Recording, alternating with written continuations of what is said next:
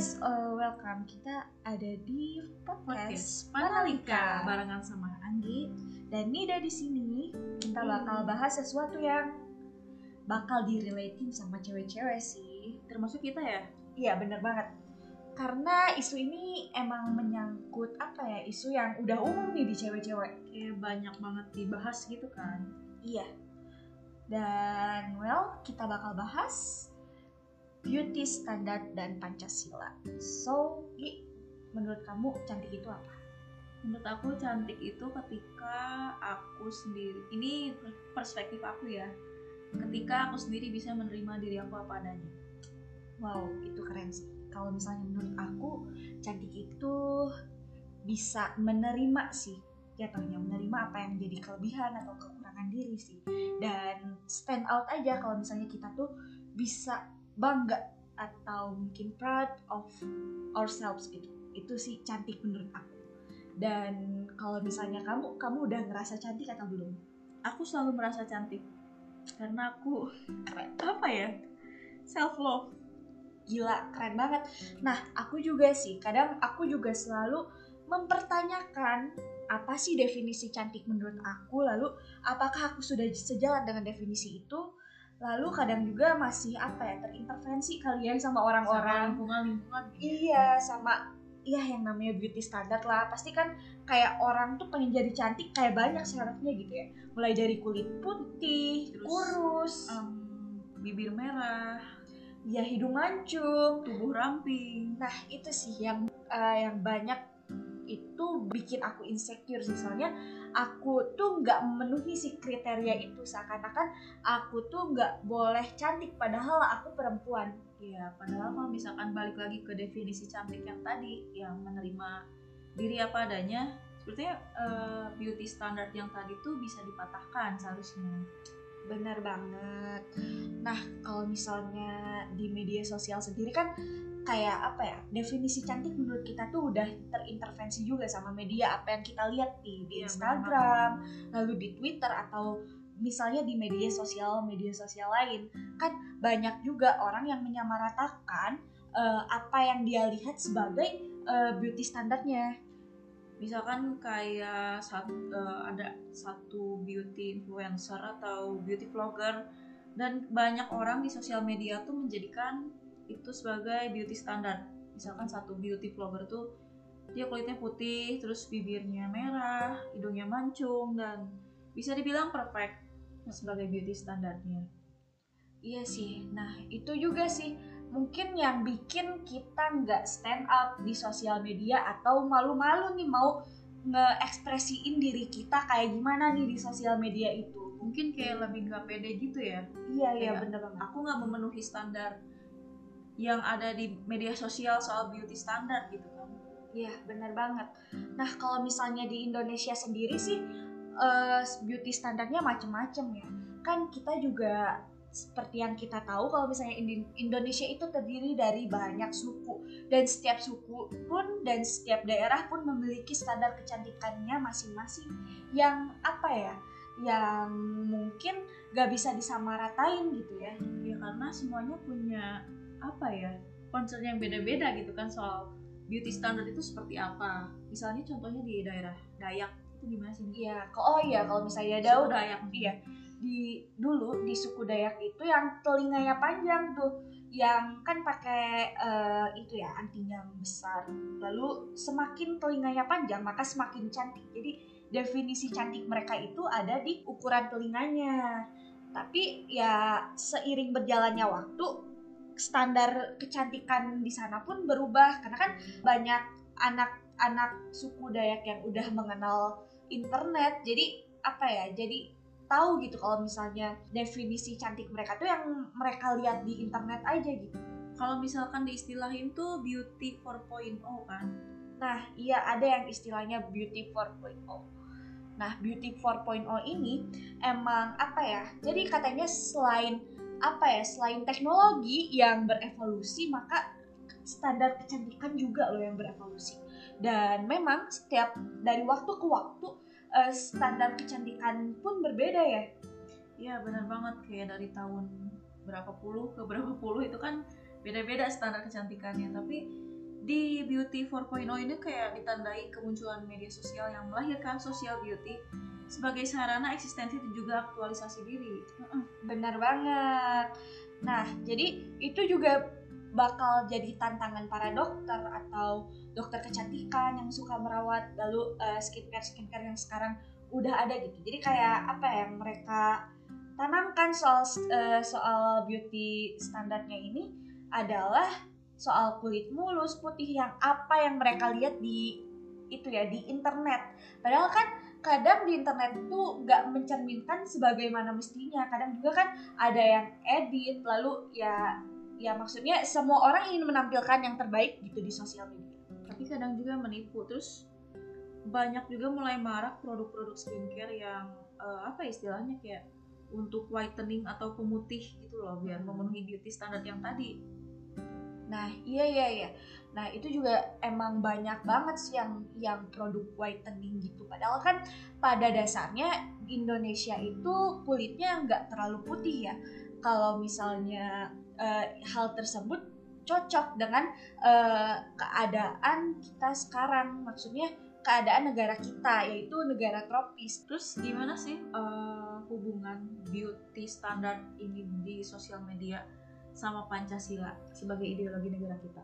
Hmm, padahal ada istilahnya uh, bineka tunggal ika, berbeda-beda tetapi tetap satu. Nah, kita juga harus sadar kan kita itu hidup di dunia yang beragam, di negara yang beragam pula. Kenapa kita harus mempunyai satu apa ya satu, satu standar di antara keberagaman itu. Padahal kan seperti yang kita tahu juga kalau misalnya kondisi ras genetik yang seperti itu tidak tidak bisa dipaksakan. Nggak bisa disamaratakan lah ya. Nggak bisa disamaratakan juga. Bahkan orang-orang dapat menjadi apa ya definisi cantiknya masing-masing ketika mereka percaya bahwa mereka cantik. Ketika mereka bisa menerima diri apa adanya lagi-lagi ya bisa stand out iya. dengan apa yang mereka miliki Iya benar banget. Dan dan apa ya uh, kalau misalnya kita nyambung ya ke Pancasila ada Persatuan Indonesia. Sila ketiga. Sila ketiga. Nah di sila ketiga ini emang ngajarin banget kalau misalnya kita itu dengan keberagaman kita bisa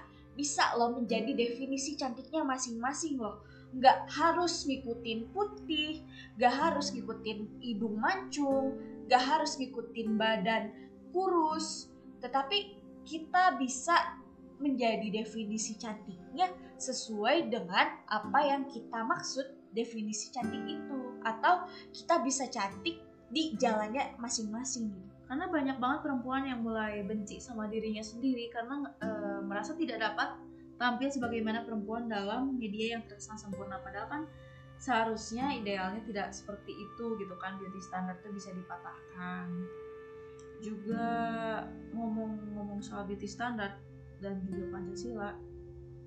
Ada juga istilah yang namanya body positivity. Wow apa itu? Jadi body positivity itu menerima keadaan tubuh lebih ke konsep tubuh sebetulnya. Dengan apa adanya karena konsep tubuh juga e, merupakan salah satu hal yang apa ya berkaitan atau salah satu hal yang termasuk ke dalam beauty standard pada biasanya. Kayak tubuh yang cantik itu yang langsing atau yang ramping. Padahal nggak kayak gitu. Jadi body positivity itu bisa dibilang lebih kayak ini ya konsep penerimaan diri dan apa ya memandang citra tubuh itu positif tidak sesuai dengan apa ya dengan standar kecantikan yang ada di society gitu. Kita ya, merasa betul. menerima apa kondisi kita sekarang uh, tanpa melihat apa yang menjadi standar yang society atau masyarakat terapkan gitu ya tetapkan. Lagi-lagi ngomongin soal beauty standard dan body positivity kaitan lebih eratnya sama Pancasila selain Persatuan Indonesia yang tadi itu apa sih? Nah sebenarnya sih kita di uh, kita ingin mengajak kalian untuk menerima dan mungkin mulai menghargai apa yang menjadi perbedaan. Karena terkadang kita bukan belajar untuk menerima perbedaan namun menyamakan si perbedaan tersebut. Padahal kan kalau misalnya kita bisa cantik dengan keberagaman yang kita miliki loh. Dan mungkin kalau misalnya hubung uh, hubungannya body positivity dengan Pancasila. dengan Pancasila, uh, kita diajak untuk menerima menerima selain menerima diri sendiri, kita juga menerima apa yang menjadi definisi cantiknya orang lain. Jadi saling toleran lah ya. Uh, jadi nggak nggak perlu untuk melulu selalu berpatokan dalam satu hal terkait uh, kecantikan ini. Iya. Bisa dibilang kita harus empower apa ya, empower each other gitu ya.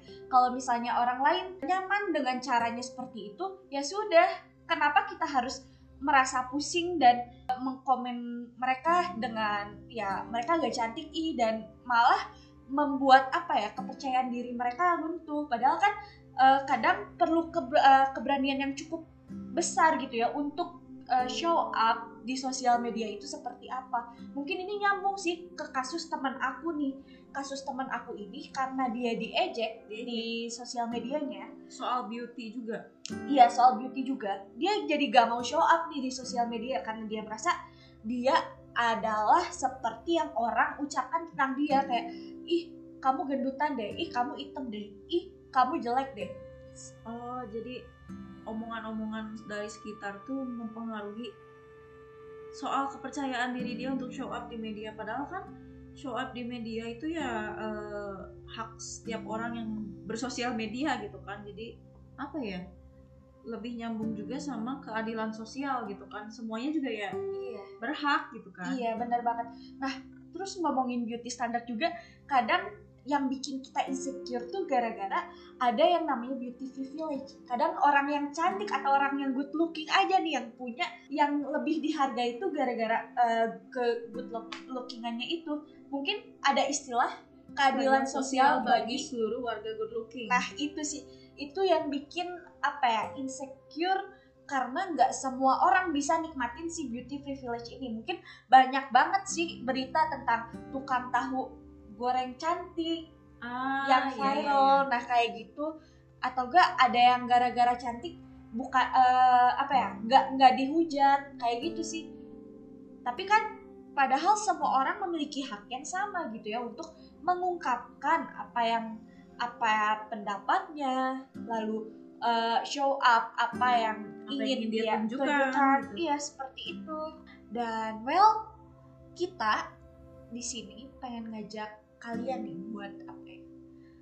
Jangan ragu buat nunjukin diri kalian seperti apa. Jangan percaya kata orang karena cantik itu berdasarkan kepercayaan. Jika kalian percaya bahwa kalian cantik, maka aura yang ditimbulkan pun akan mengatakan demikian bahwa kalian tuh cantik. Jadi kalian percaya diri kalau kalian cantik, maka kalian mutlak cantik. Iya. Tapi pada dasarnya semua wanita dilahirkan dengan cantik. Betul sekali. Jadi semoga semuanya nggak insecure lagi soal beauty standard atau bisa mematahkan beauty standard yang beredar di media sosial saat ini. Iya, dan semoga kalian bisa lebih show up dan ya menunjukkan bahwa seperti apa nih diri kalian ini karena kita semua berhak untuk berekspresi di sosial media.